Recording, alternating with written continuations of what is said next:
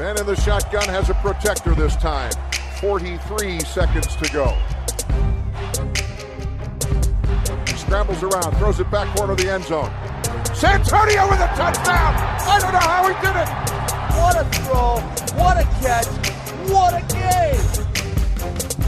No, Mike 23, call 57. That! Suffocate him! Make him miserable! All game long! Get us the ball back! You could love him or hate him, but he was Brad. Hej, du lyssnar på veckans NFL med Mattias och Rickard den här veckan när vi haft ett litet uppehåll. Skulle egentligen ha poddat här i början av veckan, men det var väl tur att vi inte gjorde det för sen blev det rena rama nyhetskavalkaden eh, och vi skulle pratat, börja prata lite draft idag Rickard, men vi tar det lite, lite smygstart på det och sen så kör vi igång på riktigt nästa vecka med draftsnacket när vi har Lasse och Magnus med oss också.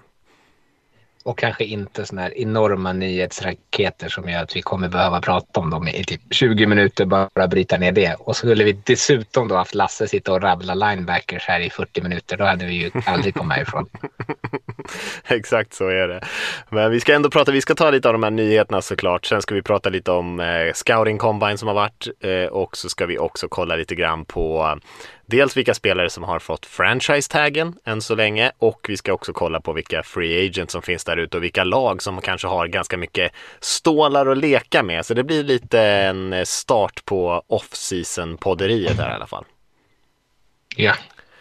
Och vi kan väl börja med den, eh, ja, den ska man säga tråkiga nyheten höll jag på att säga, men den stora nyheten i alla fall att Russell Wilson, quarterbacken i Seahawks, har blivit bortbytt till Denver Broncos och eh, Priset för det blev två första rundeval, två val i andra rundan, ett val i femte. Eh, quarterbacken Drew Lock, Eh, defensive lineman Shelby Harris och tight enden Noah Fant och så då får Broncos Russell Wilson och ett val i fjärde rundan. Ett val som jag, ja, jag har sagt i podden här tror jag också, att eh, jag trodde faktiskt att aldrig att det skulle hända. Nej, nej, jag håller med om att det är trist, men det är ju bara för att han kommer till min division. Eh, nej, jag, jag, tycker det är konstigt. Har man den där typen av talang på quarterback-positionen så förstår jag inte varför man egentligen någonsin gå vidare om inte han på något sätt har försökt tvinga sig sin väg ut. Ja, nej, det är nog eh, det är nog en liten mix av de grejerna där. Dels lite egos, egon som clashar tror jag där mellan huvudtränaren Pete Carroll och Russell Wilson och eh, sen att eh, Wilson har varit ganska tydlig med att om inte om inte laget kanske börjar spela på ett sätt som är lite mer centrerat runt honom så eh, vill han gärna testa sina vingar någon annanstans. Trist tycker jag såklart som Seahawks-supporter och tror att det blir eh, en ganska tung period här framåt och får se hur länge den varar men eh, det är svårt att se hur Seahawks utan Wilson ska kunna konkurrera inom de närmaste åren i alla fall. Nu har man ju Drew Lock där som kommer in och sen Gino Smith som man har på rostern sen innan och det är inte ja. så att man ja, det är inte så att man hoppar upp och ner av eh, entusiasm inför säsongen 2022 direkt. Nej, det, det köper jag. Eh, men om man, om man tar det bara ur eh, Seahawks-perspektivet. Tänker du, du som supporter då, tror du att de kommer plocka en QB utav årets klass eller tror du att de liksom väntar inför nästa år där det kommer kanske lite större namn? Oh, svårt att säga. Jag tror kanske inte att man draftar en QB jättehögt. Man får ju Broncos val nummer nio här. Så att man har ju kanske ammunition att drafta en av de här toppspelarna i årets draft på den positionen. Men det är ju lite ont om eh, riktigt solklara quarterbackval där och jag tror också att man tänker att man ska spela på ett litet annorlunda sätt eh, utan Wilson här. Att man bygger på de grejerna som Carroll alltid har trott på egentligen. Bra försvarsspel, springspel, eh, försöka minimera turnovers och ja, eh, inte eh, vara så beroende av ett, liksom ett eh, effektivt passningsspel. Så vi får väl se lite grann. Jag, jag, tror väl inte, nu hade jag ju fel med Wilson här så jag ska väl inte gissa för mycket men jag har svårt att se att man skulle lägga sitt första val i draften här direkt på en ny QB. Men ni har två val i andra, eller 40, 41 och 42 va? Eller är det 40 och 41 däromkring i alla fall. Mm. där skulle man kunna ta någon om någon faller. Absolut. Eller kanske komma upp lite grann till slutet av första och drafta någon där. Mm. Ja. Det skulle jag kunna tänka mig. Lite beroende på om det finns någon man gillar där. Men eh, jag är inte säker på att man gör någonting jättespännande väldigt tidigt. Nej. Det finns ju gott om hål i den där truppen, eh, tycker jag i alla fall. Eh, så att man kan ju eh, med enkelhet hitta andra behov att fylla med de här valen och så kanske vänta med kuben tills man har ett lag som kanske är redo. Alltså vinner man inte till många matcher med Russell Wilson som quarterback så är det inte många quarterbacks som kommer göra det bättre. Nej, han hade kanske sin sämsta säsong i fjol på, ja, kanske sämsta som sen han tog över egentligen som quarterback för, för Seahawks. Men eh, eh, Nej, jag håller med dig. Det finns mycket hål. Hade man haft kvar Wilson, då hade jag trott att man ändå går före den här kommande säsongen. Mm. Då hade man nog försökt eh, gå hela vägen ändå, även fast det fanns ett par luckor i truppen. Men Wilson maskerade ju mycket av det. Nu är det ju svårt att se. Man får ju ett par okej okay spelare här. Shelby Harris och Noah Fant framförallt är ju bra spelare. Men eh, det är ju som sagt utan QB och sen en del andra eh, hål som du säger i truppen så ja, är det ju lite svårt att se att man ska kunna konkurrera direkt. Ja. Särskilt om vi, om vi, vänder, ja. och om vi vänder på det så är det, det här pratade vi ju vi har väl pratat om det här tidigare, men då har det ju kanske handlat om Aaron Rodgers med Broncos. Och du sa inför säsongen att de har en sån fantastisk trupp, det enda de saknar är en QB. Och nu har mm. de ju en fantastisk trupp och en QB. Så det, det är ju en AFC West är ju en eh, skrämmande division att vara i. Ja visst, det förstår jag att du tycker. Mm. Med Raiders där så har, som har liksom Wilson nu, Justin Herbert och Mahomes där eh, som Carr ska försöka tampas med. Och det är ju inte, det är en supertuff division såklart, den bästa i NFL utan, utan några utmanare egentligen skulle jag säga. Och Bronco som du säger, fulladdad trupp offensivt också. Och man har ju fått in en ny coach där i Nathaniel Hackett som eh, jag tror kan göra mycket nytta också. Eh, och som har visat sig under sin karriär att han är ganska bra på att anpassa sig efter liksom quarterbackens spelstil och lite vad som finns där omkring. Så att, ja, Broncos ser ju eh, väldigt spännande ut. Ja, och där, du är ju väldigt hög på hacket har det ju varit när vi har pratat om det tidigare. Men det är ju också kanske ett system där man kommer kunna sätta Wilson i förarsätet. Så han kommer ju få vara den här nyckelrollen som han kanske har saknat då, att han, får, att han inte har varit i Seattle. Ja visst, och det är lite upp till bevis för honom att se om han kan göra det. Alltså han, är ju, han har ju spelat bra hela tiden i Seahawks såklart. Det, han har ju varit en av ligans bästa quarterbacks under nästan ett årtionde. Men eh, då har han inte haft samma riktig volym som de här topp. Han har inte kastat bollen lika Nej. många gånger utan bara varit väldigt, väldigt effektiv. Och när, de, när han har gjort det de senare åren här, då har han ju spelat väldigt, väldigt bra en period och sen så har det kommit lite dalar. Eh, där det har gått lite sämre och det kan ju finnas många förklaringar till det. Men eh, nu kommer han att tvungen att bära laget säkert på ett annat sätt. Nu har de ju, alltså det är många bra spelare i den där truppen. Men mm. eh, ja, de spännande springspel också med Javante Williams och gänget. Men... Ja, nej det är ju ja, fruktansvärt. Jag, jag, såg den första kommentaren kring det som jag skrattade åt. Var att, eh, man kan säga vad man vill om Derek Carr, men det är ju nog den bästa eh, sämsta kuben kanske någonsin. Alltså den sämsta kuben i divisionen. Liksom, så bra QB har aldrig varit sämst. Eh, skulle jag kunna. Även om man inte tycker att han ens är en topp 10 QB. Men det är sällan eh, det sämsta laget i divisionen har en så bra QB. Verkligen, och det händer ju mycket mm. spännande grejer i Las Vegas också. Jag tänker med, med McDaniels och allting. Så att eh, mm. divisionen är ju väldigt intressant. Vi kommer nog lägga många minuter på att prata om eh, AFC West tror jag här inför nästa säsong. Oh ja, oh ja. Ja, vi får se lite grann vad som händer med allt det där. Men som jag skrev lite grann också på på eh, Twitter där att liksom man får ändå vara som Seahawks-supporter tacksam för de tio åren som vi har haft med Wilson där. Eh, åtta slutspel, spelat i två Super Bowls, vunnit en eh, och egentligen varit ett av dem. Ett av få lag som har vunnit, det är väl bara de och kanske två, två, tre andra lag som har vunnit så pass mycket under den här perioden Wilson har spelat där. Och nu, eh, det finns ju, fanns ju en del av fansen som var varit väldigt kritiska till Wilson och, och kanske till och med nöjda med att man byter bort honom. Men jag tror man kommer få lite av ett uppvaknande där att det här eh, Ja. kan vara det var, det var roligare även fast eh, Wilson tog några onödiga sax då och då. Eh, men man tror, kan, tror man kommer sakna de där regnbågspassningarna till locket ner i liksom hörnet av endzonen för fina touchdowns och sånt där. När, nu kommer det bli betydligt tuffare att få till de poängen. Mm. Nu nämnde du locket bara för det också. Men han är väl också på marknaden så att säga. Ja, det sägs det i alla fall. Och man släppte ju även Bobby Wagner. Så nu är det ju Wagner var ju den sista spelaren efter Wilson-traden här som var kvar från de här Super Bowl, från laget som vann Super Bowl. Så nu är det ju ingen spelare kvar i truppen från det laget. En ny, en ny era.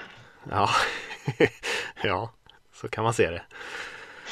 Ja, eh, och den andra stora nyheten du nämnde är Aaron Rodgers. Han skrev ju en ny deal med Packers. Det eh, tror jag väl också vi har pratat om. Jag har väl också känt mig rätt trygg med att han skulle stanna där och eh, det stod väl egentligen mellan att han skulle lägga skorna på hyllan eller signa med Packers kändes det som och de här eh, ryktena som gick kring Broncos och sådär det var kanske inte riktigt eh, på allvar. Han gick ut i någon intervju där för några veckor sedan när han pratade om sin liksom, goda relation till huvudtränaren och lagkamraterna och att han verkligen har trivts de senaste åren och då kändes det som att det här kommer lösa sig.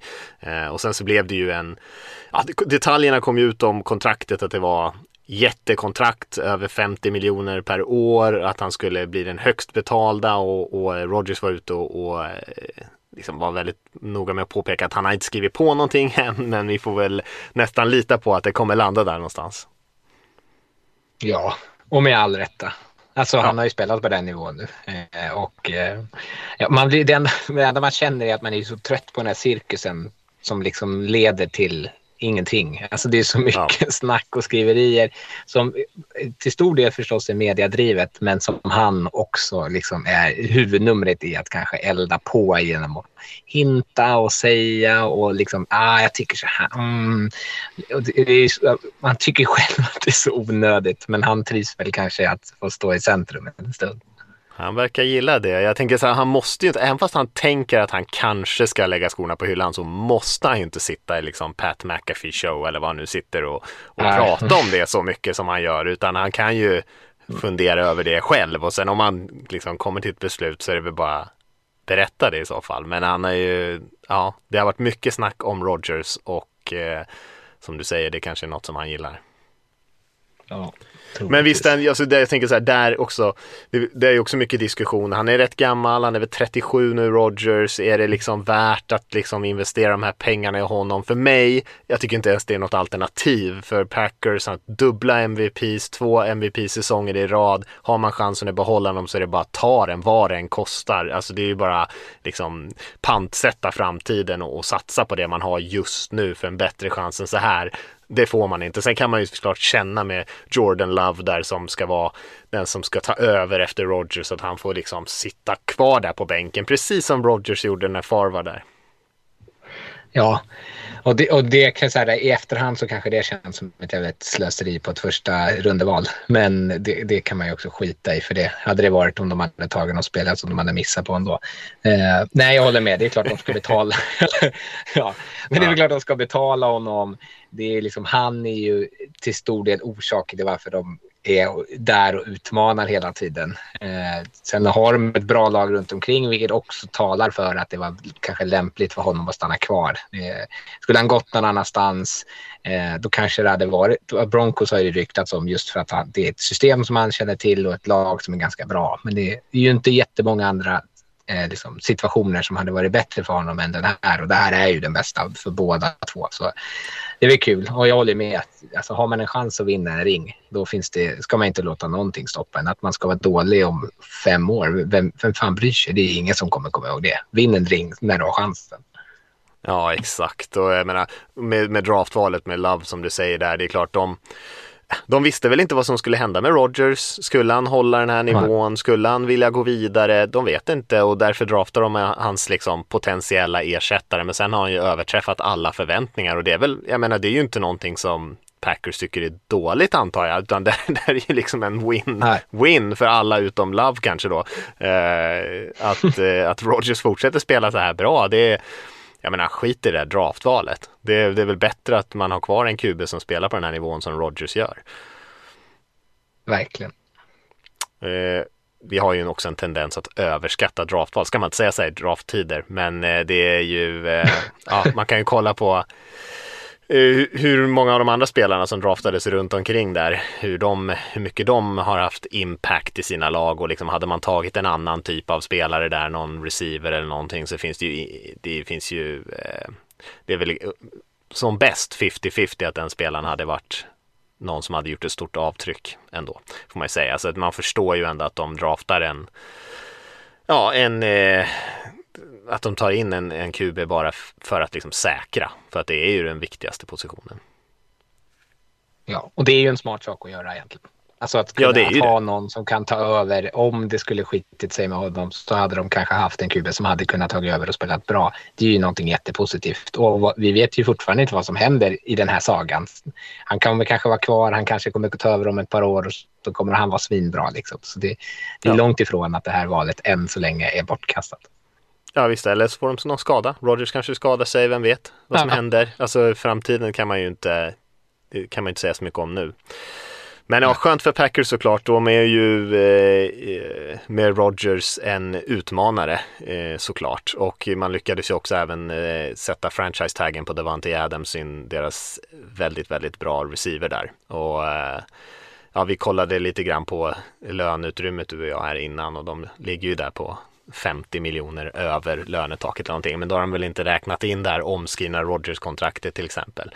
Men eh, ja, man, man fattar det där att folk säger ibland att eh, lönetaket bara är en, en myt. Det, det löser sig om man vill. Det finns alla möjliga sätt att trolla på. Men eh, de är ju pressade mot lönetaket får man i alla fall säga. Ja, men det, det, jag, jag, det är nästan galen bara jag funderar på det här med lönetak. det känns som att man aldrig förstår det. Man, man sitter och pratar om att så här, nej gud, de kommer aldrig kunna signa någon. Och så bara, nej okej, de har skrivit det största kontraktet i världshistorien eh, och de lyckades få in det på något jäkla vänster. Det sitter ju en del Ja. ekonomer där som kan saker som jag aldrig kommer begripa. Nej, exakt och hur man eh, lägger upp de där kontrakten och sådär. Men det kommer väl säkert bli ett par spelare som ryker, framförallt på försvarssidan Ja. i Packers. Så är det ju, men eh, så är det ju alltid. Vi hade lite mer QB-karusell också. Carson Wentz som gick till Colts och många var lite skeptiska om han verkligen var svaret för Colts efter hans ganska svaga period i Eagles där på slutet och han kom ju till Colts och eh, gick väl sådär i perioder. Han spelade väl bra i, vissa perioder men i slutändan så var han väl kanske inte tillräckligt bra och eh, det ryktades ju ganska tidigt in på offseason här att eh, Colts var mer eller mindre färdiga med Wentz. De eh, eh, vad som än hände, även fast man inte lyckades byta bort honom så var det väldigt osannolikt att han skulle starta igen för Colts. Så man lyckades byta bort honom till Washington Commanders som de numera heter eh, och faktiskt få lite draftval tillbaka. Två val i tredje rundan. Det är helt absurt.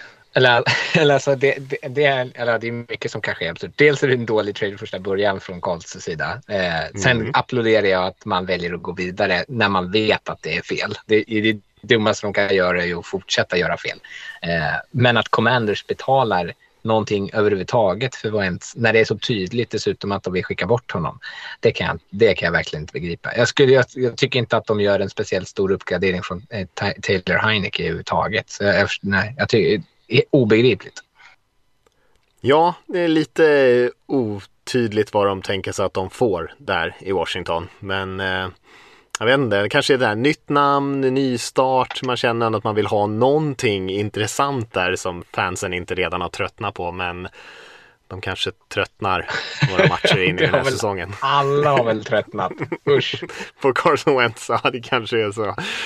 Ja, nej, det, det känns som att där eh, är det två lag, både Colts och Commanders som ehm, Mm, det rykt- ryktas ju att Colts är lite och rycker i Garoppolo nu från 49ers som de inte vill ha kvar. Så att det är ju lite så här, vem tar vems, vem äter vems rester här på matbordet? Ingen är nöjd. Ja. Verkligen. Och det är ju dessutom ett otroligt eh, sidosteg från Colts sida. Om de tänker att de ska ta Garoppolo istället. Det är ju ingen uppgradering alls. Men så vet jag inte vad de ska göra. Nej, det, det är ont om bra alternativ. Och det är därför jag tänker också att jag inte är supernöjd att Seahawks hamnar i den här situationen som de här lagen redan är i. Eh, på, eh, på ett, på ett eget val dessutom och sätta sig i den sitsen. Men det, men det är ju det är många lag som behöver uppgradera eller vill uppgradera, vill byta quarterback.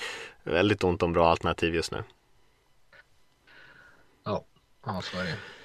Eh, vi har några andra bara kontraktsförlängningar. Titans eh, skrev med Harold Landry, deras outside linebacker, fem år, 87,5 miljoner och Chargers eh, skrev med Mike Williams, deras stora receiver där, ett treårigt, eh, treårigt kontrakt för totalt 60 miljoner. Jag vet inte om det är någonting att säga om de två. Det är två bra spelare såklart. Ja, jag, jag var ju osäker på ifall Chargers skulle behålla Mike Williams just för att jag tänkte att det skulle bli väldigt dyrt. Men, eh, och eftersom att det känns som att det finns lite av en uppsjö receivers i den här draften. Men eh, det, det man såg i slutet av säsongen när de behövde luta sig på sitt tredje och fjärde och femte alternativ på wide receiver-positionen, eh, då gick det åt skogen. Så då tror jag att de förstod värdet av att det, det, de kan inte bara ha två spelare och de kan inte gå in nästa säsong med Keenan Allen och sen bara en massa osäkra kort. Så jag förstår att de ändå ger Williams en massa stålar och de har ju utrymme för att göra det dessutom.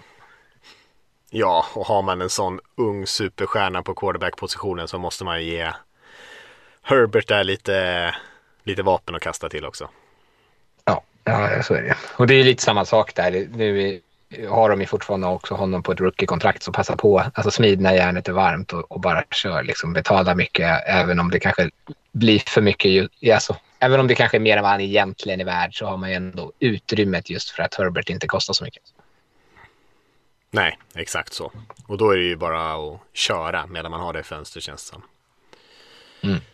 Hade en, en annan grej som blev en story här. Calvin Ridley, receiven i Falcons, eh, var ju borta förra säsongen. Han hade ju lite personliga problem pratades det om. Eh, och jag vet inte exakt vad det rörde sig om nu faktiskt. Men jag har för mig att det handlade om att han var Han hade liksom några mentala struggles. Och mm nu visar det sig att han här har eh, spelat på, eh, alltså bettat på NFL-matcher och däribland också Falcons egna matcher. Nu har han ju spelat eh, på att Falcons ska vinna i alla fall, vilket kanske inte, det var inget bra inget bra bett till att börja med. Men eh, det får man inte göra såklart. Man får inte spela på NFL. Jag tror inte ens man får spela på NBA. Jag tror inte ens man får spela på andra proffsligor när man är eh, spelare i NFL. Och definitivt inte på den egna ligans matcher. Så han blev ju avstängd hela nästa säsong. Många som reagerar på det, att det var en väldigt tuff eh, dom som kom ner över Ridley och det blev mycket diskussion. Är det här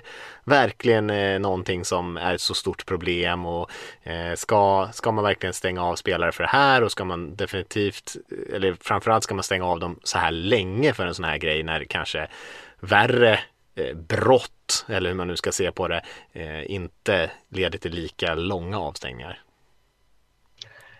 Ja, eh, och, och, jag tycker alltid att det är knepigt när man ska försöka jämföra brott och brott. Och liksom en, en, en, etisk person ser ju att det är såklart värre att någon misshandlar en person eller så här, eh, hotas och, eller gör andra så här, idiotiska dumheter, kör rattfull, än att han satsar pengar på en match. Liksom. Det är ju harmlöst i relation till liksom, vad jag tycker rent moraliskt.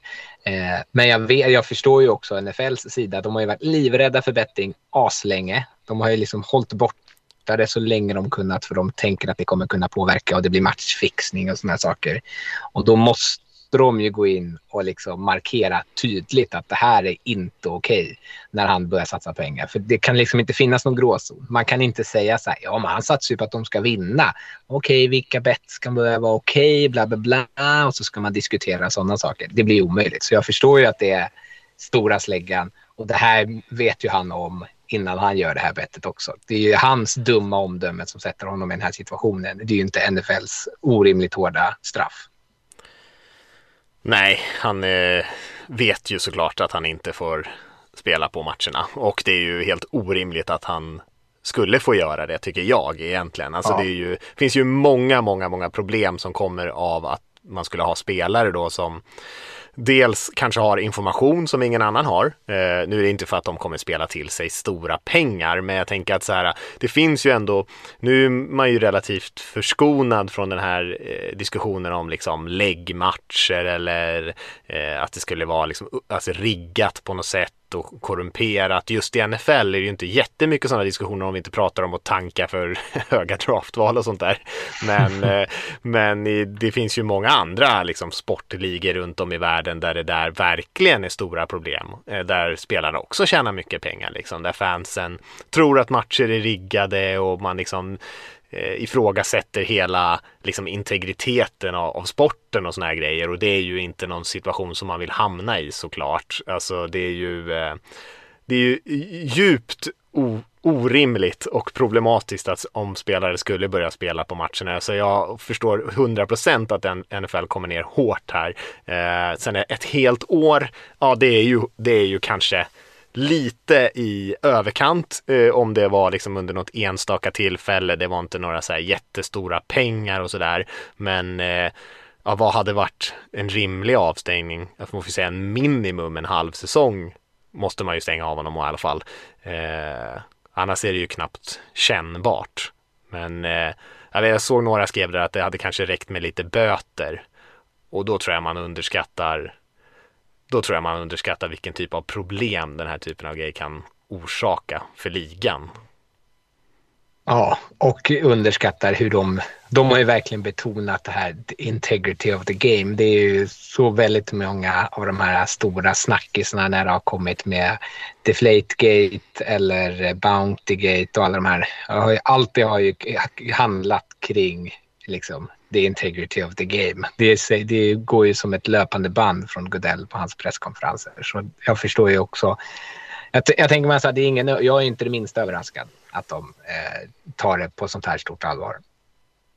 Nej, inte jag heller egentligen. Och sen så är det klart att mm, någon kommentar jag gjorde på det där är ju också så här om du kör rattfull eller misshandlar någon då, då ska du ju i, i, i, i en, eh, en fungerande samhälle också bli dömd av rättsväsendet utanför NFL. Så jag menar, där ska du väl få det mest känt. Alltså om du misshandlar någon då kanske du ska få ett fängelsestraff för det eller någonting. Eh, och det är ju en mer kännbar dom än att du ska liksom bli avstängd sex matcher av NFL. I det här fallet så finns det ju liksom det är, han har ju inte brutit mot någon lag här. Eh, så då måste ju NFL liksom vara rättsväsendet. Eh, de är ju inte riktigt, det är ju inte riktigt NFLs roll egentligen att hindra att deras anställda begår liksom kriminella handlingar utanför planen liksom. Det är ju inte riktigt NFLs roll. Jag fattar att man markerar mot det för att man visar vad man tycker är okej och inte okej och liksom man representerar ligan och lagen och sådär. Så att det är ju rimligt att de stänger av spelare för det också. Men jag tänker att det är inte, där hoppas man ju på att det är ju inte det enda straffet de får om du, om du begår någon, något sånt där hemskt brott liksom. Nej. Och, och det, en, en poäng som jag gjorde i det här är också att det som Ridley gör kan ju påverka matcherna på söndagar. Och att köra rattfull eller att misshandla någon, hur hemskt det än är, påverkar ju inte matcherna på söndagar. Så då blir det ju... Liksom det, det är svårt att jämföra dem i hur, också hur de då ska bestraffas. Ja visst. Och sen är det klart att det påverkar ju the integrity of the game som Goodell pratar Ja. om. Alltså om liksom du ska sitta där och den nyckelspelaren i ditt favoritlag eh, misshandlade sin sambo för fyra veckor sedan. Alltså, jag menar, det är ju inte Ja. jättekul att heja på den typen av personer. Så av den anledningen förstår jag att man måste, det måste man ju markera mot den typen av grejer också. Ja. Vem som helst kan liksom inte få hyllas som hjältar och superstjärnor. Eh, ens i sportvärlden utan man måste ju kanske dra någon gräns där, så här, vem är värd att liksom sätta på sig tröjan? Det är, det är ju en rimlig sak också. Men ja, som du säger, det är svårt att jämföra rakt av ett, liksom ett, en, en kriminell handling ja, i, i civila kläder jämfört med någonting som faktiskt påverkar bara sport, sportdelen av det. Mm. Men ja, intressant. Ja. Vi får väl se lite grann. Det lär ju bli överklagan säkert. Det kanske blir kortat. Vi får väl se lite grann. Uh, men ja, big no-no att börja betta på uh, ligans egna matcher och speciellt sitt eget lags matcher. Big no. Ja. Och det här gäller ju inte NFL bara, det gäller ju liksom alla sportligor i hela världen så är det ju inte tillåtet att uh, göra som Ridley gjorde. Ja. Ja, från Ridley till NFL Scouting Combine eh, och eh, vad ska man säga om det? Man kan väl säga att de eh, mest lovande spelarna inför draften blir inbjudna dit för att träffa lag, eh, intervjua, en underskattad del av Scouting Combine som vi kanske inte pratar så rätt mycket om, pratar mycket om de fysiska testerna och de mäts och vägs och eh, gör alltså, medicinska hälsoundersökningar de största delarna är kanske just intervjuerna med lagen som sker bakom stängda dörrar och, och just hälsoundersökningar och, och där man får träffa lagläkare och eh, de kollar, ibland upptäcker de ju något så här dolt hjärtfel eller att någon skada inte är läkt ordentligt och den typen av grejer. Eh, och sen är det ju såklart också massor av fystester. Ja, eh, och eh, även om man kanske mycket fokus ligger på intervjuerna så, och man alltid varje år går in och tittar på combine så säger man så nej men det, man ska lita på vad man ser på matcherna.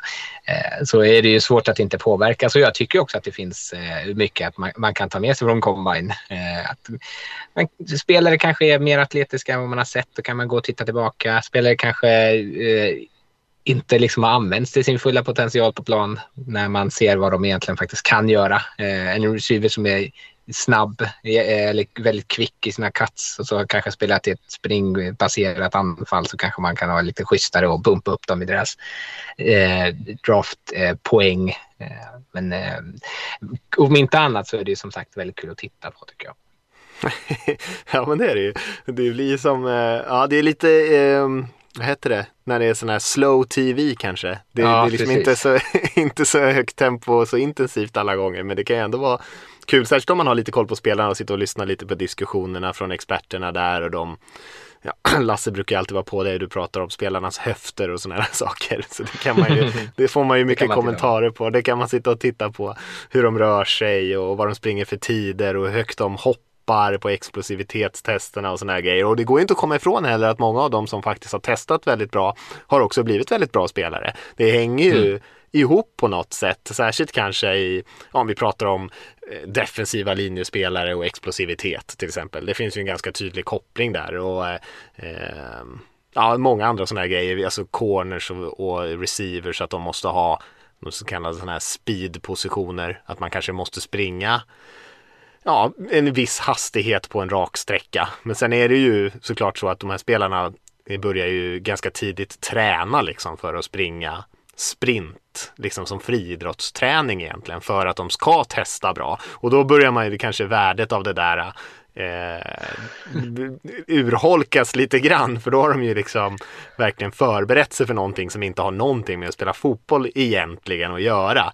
Men eh, man får ju ändå ett litet hum om vem som är snabbast eller vem som är mest explosiv eller vem som kanske rör sig bäst i de olika eh, övningarna som man gör och sådär. Så det är ändå, det ger ju någonting tycker jag.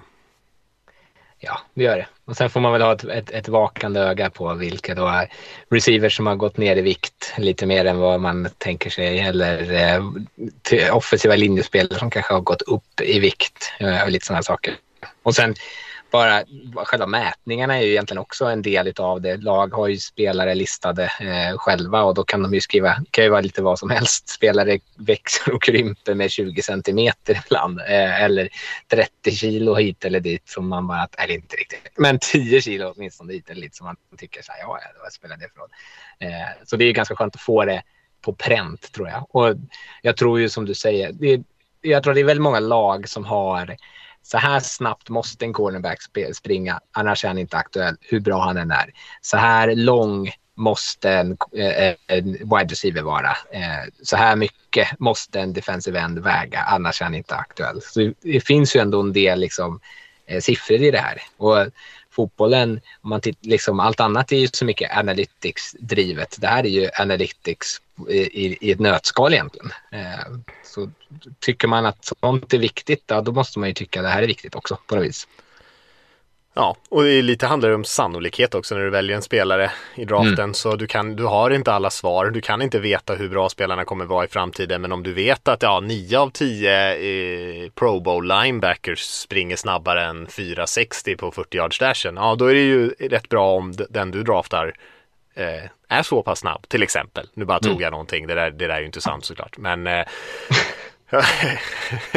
och sen så har vi ju vissa andra så här lite töntiga mått som ändå brukar bli en stor grej. Jag tänker att eh, picket där, quarterbacken till exempel som eh, det var lite många som var nyfikna på vad han hade för handstorlek till exempel och mätte in på eh, väldigt små händer för att vara en quarterback ändå. Eh, och det diskuterar man ofta, kan det leda till fler fumbles? Vad, vad kan det orsaka för typ av problem och sådär? Ingen eh, QB som har varit vidare framgångsrik sedan Michael Vick har haft så små händer. Nej, och det säger ju någonting ändå. Kanske. Det tycker jag. Mm, ja, men kan inte du, du som har, jag har inte följt Scouting Combine lika noga som du, kan inte du ge oss lite, och mig och lyssnarna lite highlights från eh, årets Combine? Ja, eh, Georgia vann ju mästerskapen eh, i år och det kan man väl kanske se varför. Eh, alla deras, eller alla, men typ en hel eh, överflöd av spelare från Georgia presterade ju fantastiskt och kanske toppnamnet där då, eh, Jordan Davis, deras eh, jättestora defensiva linjespelare eh, som gjorde kanske en av eh, Combines eh, bästa prestationen någonsin. Eh, väger, nu har jag inte siffrorna här och det är jävligt dumt, men väger ju typ så 346 pounds tror jag och sprang på 480 någonstans, 486 kanske på 40 yards dashen, vilket är helt sjukt. Jag hoppade 10,3 lika mycket som deras, eh, eller som eh, Garrett Wilson som är en av årets bästa wide receivers. De hade samma eh, jämfota hopp. Eh, så det, han sken ju verkligen. Eh, och diskussionen där har ju med honom varit att vad, vad får man, eh, för han är kanske i huvudsakligen en, en runstopper. Men här visar han ju en fantastisk explosivitet som gör att man kanske ändå kan se en bild av att man kan använda honom annorlunda. Eh, hans kamrat Devonte Wyatt, också linjespelare, eh, såg också fenomenal ut. Eh, Trayvon Walker, också fenomenal ut från Georgia. Eh, jag tyckte att deras ena wide receiver, George Pickens, som har varit skadad, eh, såg jättebra ut också. Eh, sen tänker jag typ så här, eh, ja, för mig så handlar det när jag tittar på det här mycket kanske om att eh, finfördela mina betyg. Så är det, har jag två spelare som är ganska lika och så är det en som visar upp en kanske en bättre atletisk profil, då kanske den får en liten bump i det eh, i sitt betyg. Och eh, de offensiva linjespelarna så eh, har man pratat om tre spelare eh, och två av dem deltog här och det är Ike Equano från North Carolina State och så Charles Cross från Mississippi State och det var ju de som kanske eh, stod ut på den offensiva linjen och man det kändes väldigt självklart att, någon, att de två är med i den här eh, topp tre. Eh, så det är även Neil från Alabama som inte deltog i övningarna. Eh. Han bara sen, flexade i bara överkropp där. Ja, precis. Och såg ut som ett, eh, också ett, ett fysiskt specimen. Exakt, som Aaron Donald på offensiva linjen ungefär. Nej, inte riktigt kanske, ja. men. ungefär. Eh, men han ska ju göra alla de här övningarna sen på sin pro day, eh, förhoppningsvis. Eh, och då kan han väl visa. Sen kanske man, alltså Ike Mekonov såg ju fenomenal ut. Så det, jag kan tänka mig att han stod där sen på sidan av och tänkte att fan, jag kanske borde ha eh, försökt glänsa lite också. Ehm, och samma med cornerback-positionen som ju pratat om, Sauce Gardner som är den bästa. Eh, cornern i årets draft och han såg också jätte, jättebra ut eh, och testade precis eh, så som man kanske hade hoppats. Eh, och där lite samma sak med Neil då, så satt Derek Stingley som är den kanske näst bästa eller kanske den mest talangfulla cornern men inte högst upp på de flestas listor som inte deltog i övningarna för att han återhämtade återhämta sig från en skada. Eh, testa sen på LSUs eh, Pro Days. Men eh, det är många spelare som gjorde bra ifrån sig. Eh, breda penseldrag, väldigt snabba 40-tider. Eh, nu har de lagt in en ny matta där i arenan eh, sedan 2020 så det fanns, spekuleras ju att det kan ha haft med saken att göra. Men generellt jättebra 40-tider på nästan alla positioner, till och med Panthers. Eh, och, eh, man har pratat om att den här klassen inte har en stor topp. Jag har varit lite halvkritisk mot att den pratas om att ha en bra bredd, men jag kanske inte riktigt har sett den. Men det här visar det de som ett kollektiv ändå upp att det finns ett ganska högt atletiskt tak eh, på väldigt många positioner. Så det känns ju lovande för de lag som eh, behöver fylla många positioner, typ som Seattle Seahawks. Mm.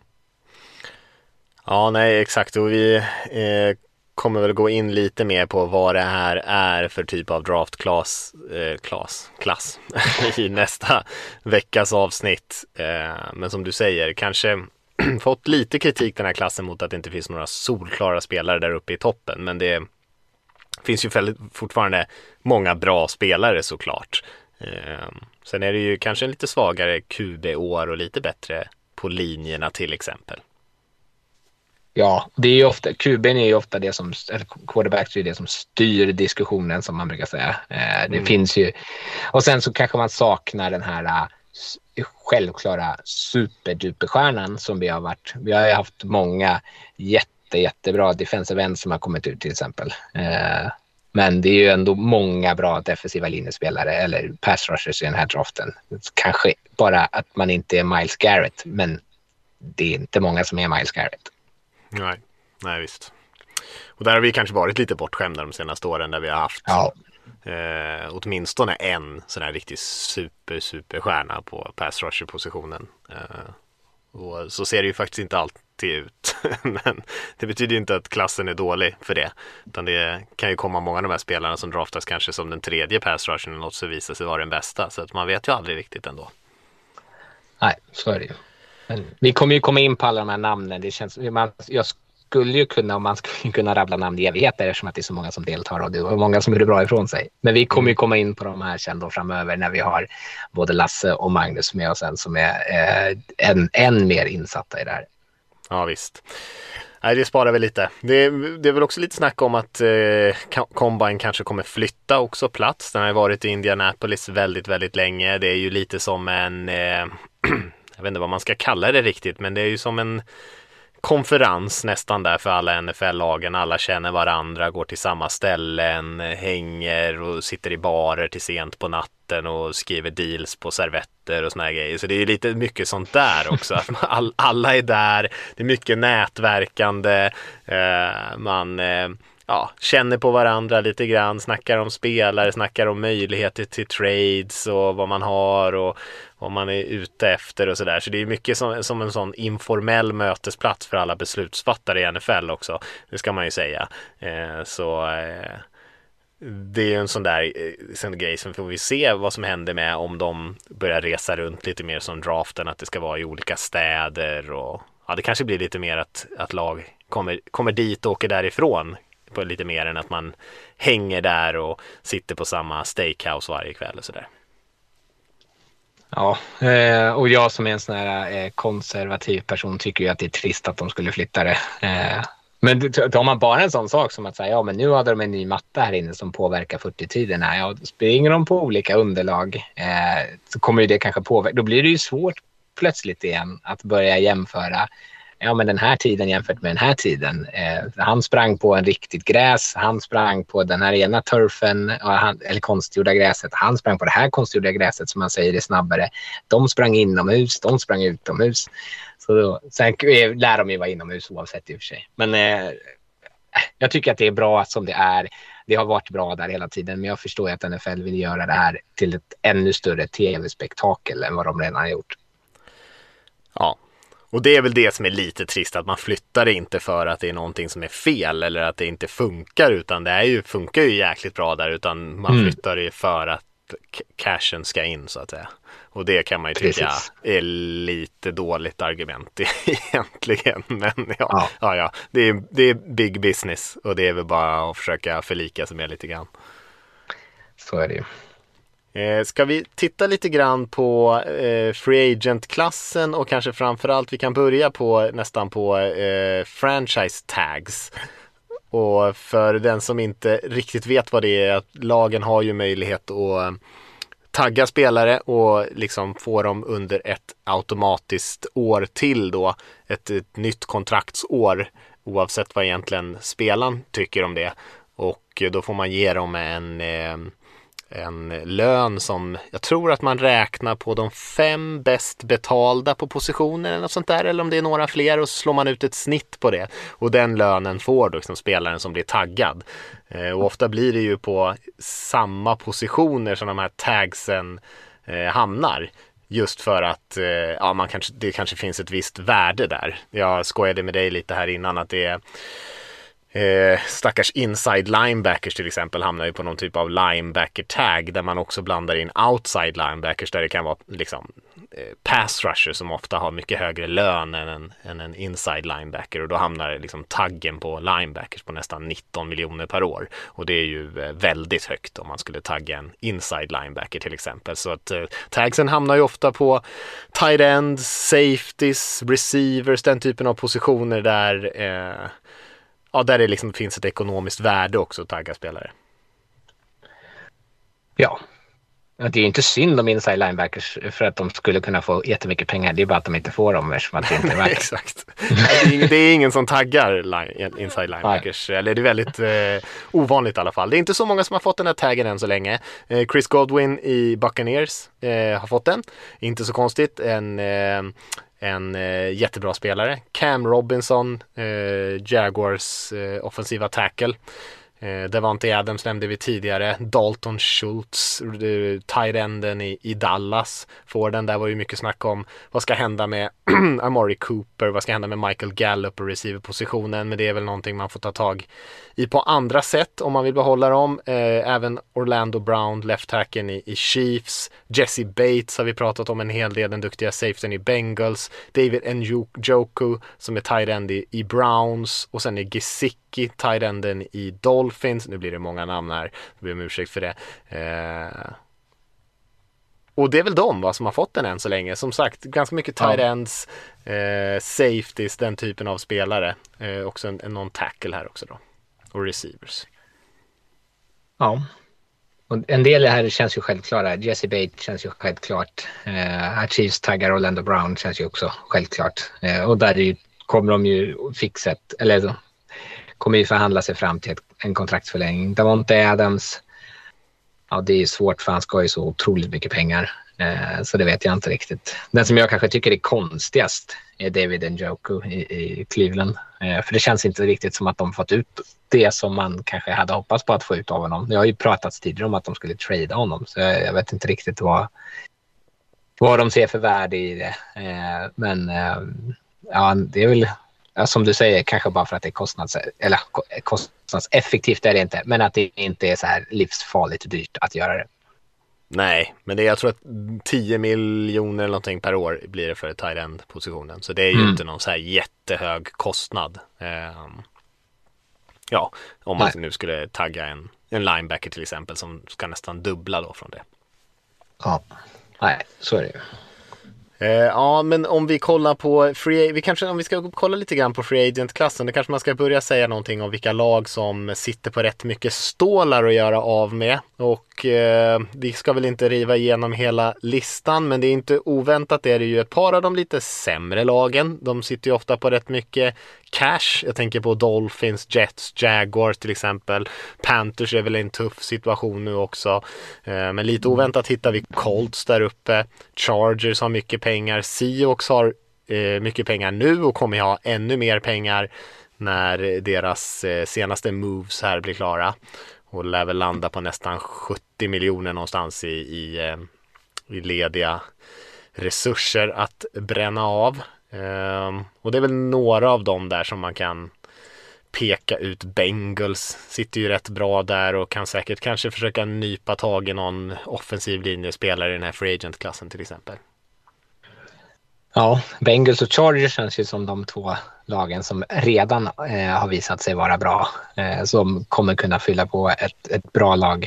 Eh, och sen så ty jag tycker att det är intressant, eh, om inte annat, att det, Jaguars och Jets och Dolphins eh, har så mycket utrymme som också har unga quarterbacks eh, att eh, liksom kunna bygga runt. Att det, det kan ske eh, nu, det här som Bengals gjorde i år var eh, kanske ett unikum, men det kanske sker en liknande liksom, drastisk förbättring i att så här, men nu lyckas signa bra spelare runt omkring våra lovande unga quarterbacks och då kan det liksom ge en effekt omedelbart. Eh, och så det känns ju ändå hoppfullt för lag som kanske eh, inte haft så jättemycket att, att, att hoppas på.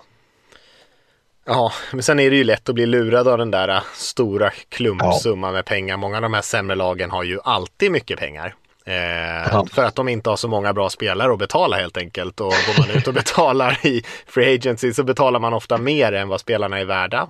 Det är ju lite om, så är det i Free Agency i allmänhet. Det blir lite budgivning och då blir det lite dyrare än vad man helst skulle vilja betala kanske. Och sen eh, också de här stora stjärnorna som kan välja lite de vill ju helst inte gå till något av de här kassalagen. Så då får man liksom signa den tredje bästa offensiva garden men betala honom liksom topp tre pengar i ligan för en gard som kanske är 19 bäst eller någonting. Och det är ju inte någon super sätt att göra det på. Utan man måste ju som du säger kanske ha en, en hyfsad stomme från draften fortfarande. Även fast vi pratar om Rams och Bengals och de här som gjort stora moves. Men de har ju också draftat bra. Eh, mm. Så att det, man behöver ha båda delarna. Man kan inte köpa sig till framgång i NFL. Det, det funkar väldigt sällan.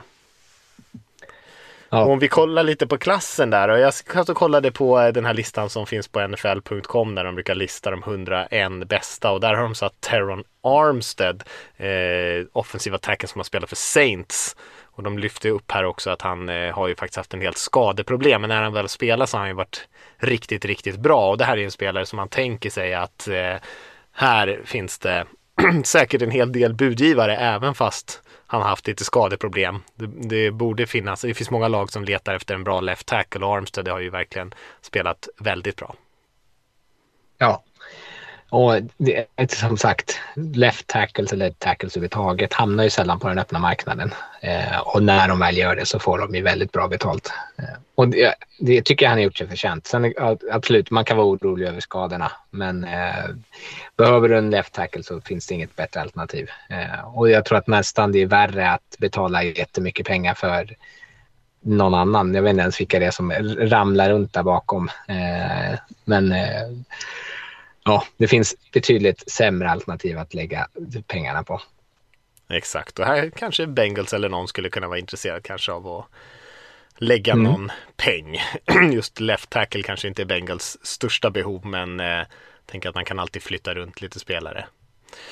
Eh, vi har en del corners här. Vi har JC Jackson som har haft så jäkla mycket interceptions för Patriots. Brukar vara lite lurigt att ta in den typen av spelare. Corners tycker jag alltid klurigt när man betalar i Free Agency. Carlton Davis också som har spelat för Tampa Bay Buccaneers är en annan corner som det snackas väldigt mycket om. Mm. JC Jackson gillar ju jag, men det är mest också för att jag tänker mig att det finns en chans att han kommer till Raiders. Jag har redan bestämt mig för att jag tycker om honom.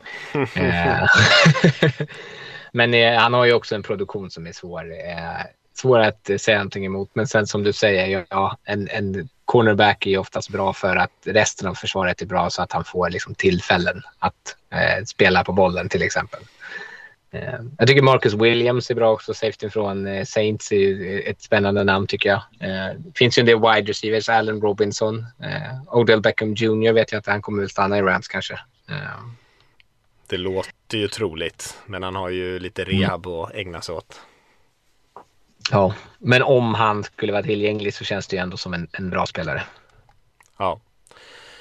Nej, jag håller med. Quandre Diggs tycker jag har spelat väldigt bra för Seahawks. Han var långt ner på den här listan, men tycker jag är en, en intressant spelare om man inte ska ha någon av de här stora namnen, men som ändå kan komma in och, och spela bra. Eh, så tycker jag han har gjort ett väldigt bra jobb för Seahawks. Så det kanske man kan få lite billigare än några av de här toppnamnen. Eh, vi har lite pass rushers här. Von Miller som gick till Rams och spelade väldigt bra för dem. Framförallt framåt slutet på säsongen och slutspelet. Chandler Jones har ju varit en otroligt eh, produktiv pass rusher. Även fast han kanske börjar bli lite äldre.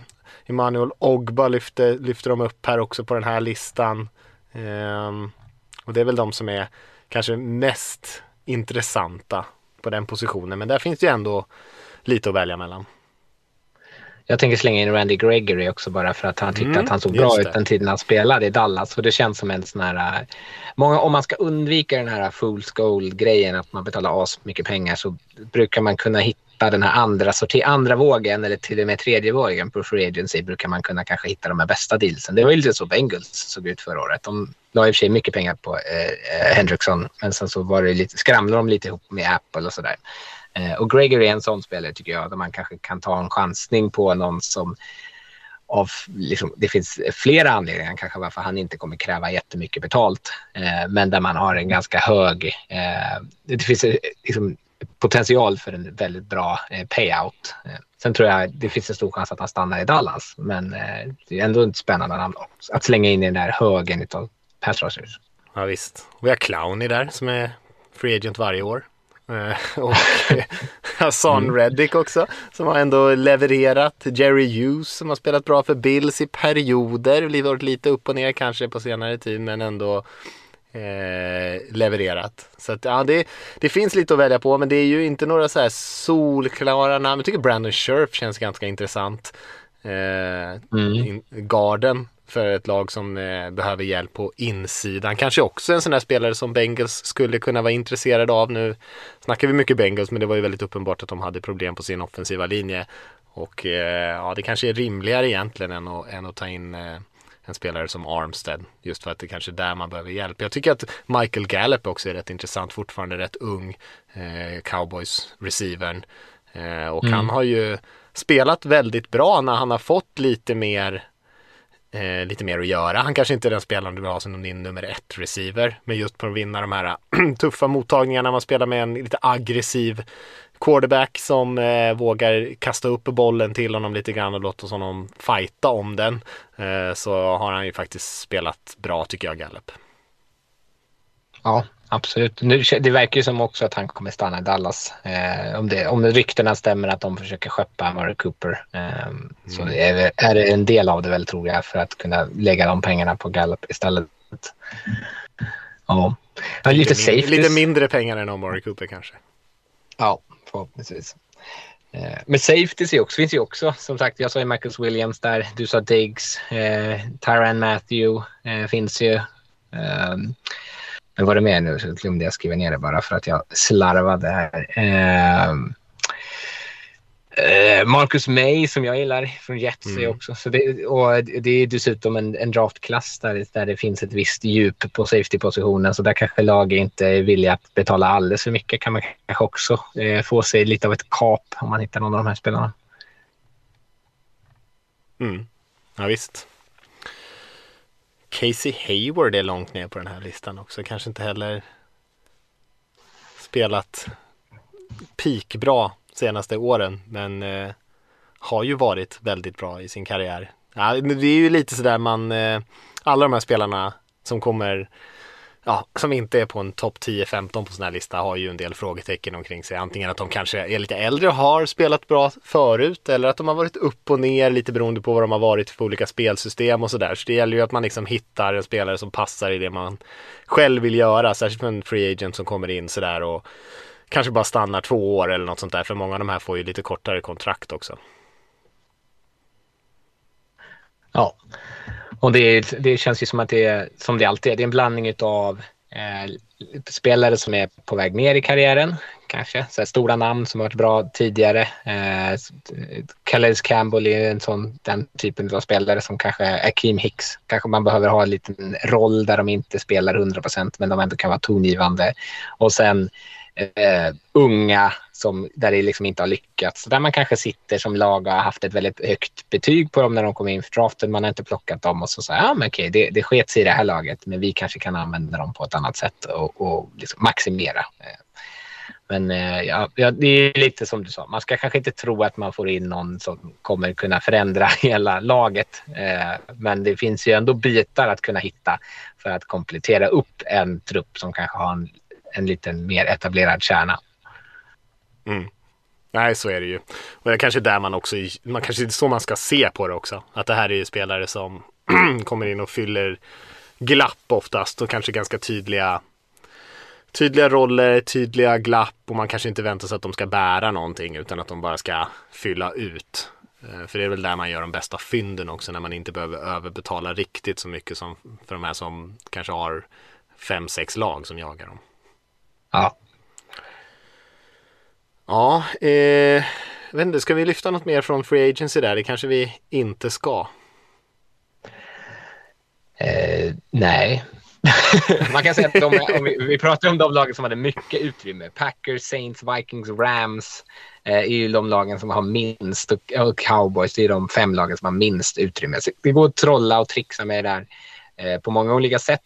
Men de är också, eh, eller kanske framförallt Saints och Packers, är så pass, så pass långt back att det kommer att bli svårt för dem att, att göra, vad, göra särskilt mycket. Ja, och de sitter ju också i en väldigt olika situation. Packers är ju fortfarande i ett utmanarläge. Saints eh, utan P Sean Payton dessutom.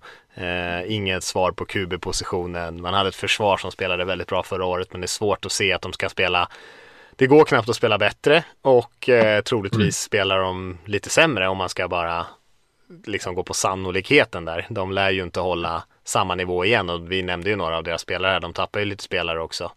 Eh, framförallt mm. kanske rollspelare. Så de sitter ju både i en situation att de har en ganska svag trupp eller åtminstone ganska tydliga svagheter och dessutom eh, knappt några pengar. Ja. Så det är ju en tuff situation. Det är inte the season of hope för Saints. För alla andra lag, Nej. men inte mm. för Saints. Mm. Saints och Seahawks som mm. ja, just det, får blicka fram till 2024. Ja, nej, vi ska inte avsluta podden på sån där dyster ton. Men eh, kul ändå med off-season. Känns som att det är ju liksom en, eh, det är ju the season of hope som du säger för, för de flesta i alla fall. Och eh, det är både just med lite spännande vilka spelare som kommer in i Free Agency men såklart också med draften och allting som vi ska börja nörda ner oss rejält nästa vecka. Jag tror vi kommer prata lite grann om, lite generellt kring den här draftklassen. Vi kommer fortsätta följa upp lite grann vad som händer i nyhetsflödet kring eh, några av de här spelarna eh, som vi har pratat om idag. Men också eh, tror jag att vi ska börja snacka lite offensiva linjespelare kanske i draften. Eh, tror att vi hade ja. på agendan nästa vecka och det är ju kul. Eh, offensiv linje tycker jag är roligt att prata om inför draften. Känns som en väldigt sån där, en, en, eh, en position där det finns extremt mycket film att titta på med tanke på att de spelar alla spelen och alltid är liksom i fokus. Så att det är lite svårare att ibland utvärdera till exempel safety som simmar ur bild lite grann och det är väldigt beroende mm. på vad de har för roller och så. En offensiv linjespelare, det de gör sitt jobb där och eh, det är svårt att eh, dölja om de gör ett bra eller dåligt jobb. Utan det är ganska konkret och scouta tycker jag, linjespelarna. Håller med. Och i, där... dessutom, man ska lägga till det, ett, i ett år där man har väldigt många pass rushers som är högt rankade så är det också kul att kolla offensiva linjespelare. Där, för då vet man att de möter spelare som de kommer att spela mot på söndag. Det tycker jag är kul. Ja, och det finns många duktiga spelare på den offensiva linjen också. Du nämnde några där på, från mm. Combine bland annat. Så det är kul. Eh, så vi säger väl så för den här veckan och så är vi tillbaka eh, nästa vecka och snackar lite draft och förhoppningsvis både Lasse och Magnus med så vi blir en, eh, vad är det, en kvartett? Kvartett. Ja, yeah. och det kan väl bli trevligt tycker jag. Och äntligen nörda ner oss lite grann i draften som är eh, i och för sig en bit bort, men vi tänker att vi ska riva igenom alla positioner. Så att det är hög tid att dra igång. Så vi säger tack för oss. Skicka in någon fråga om ni vill om eh, vad som helst egentligen, men varför inte lite om eh, draften eller off-season eller lagbehov eller något sånt där som vi är väldigt inne på just nu. Så hörs vi igen om en vecka.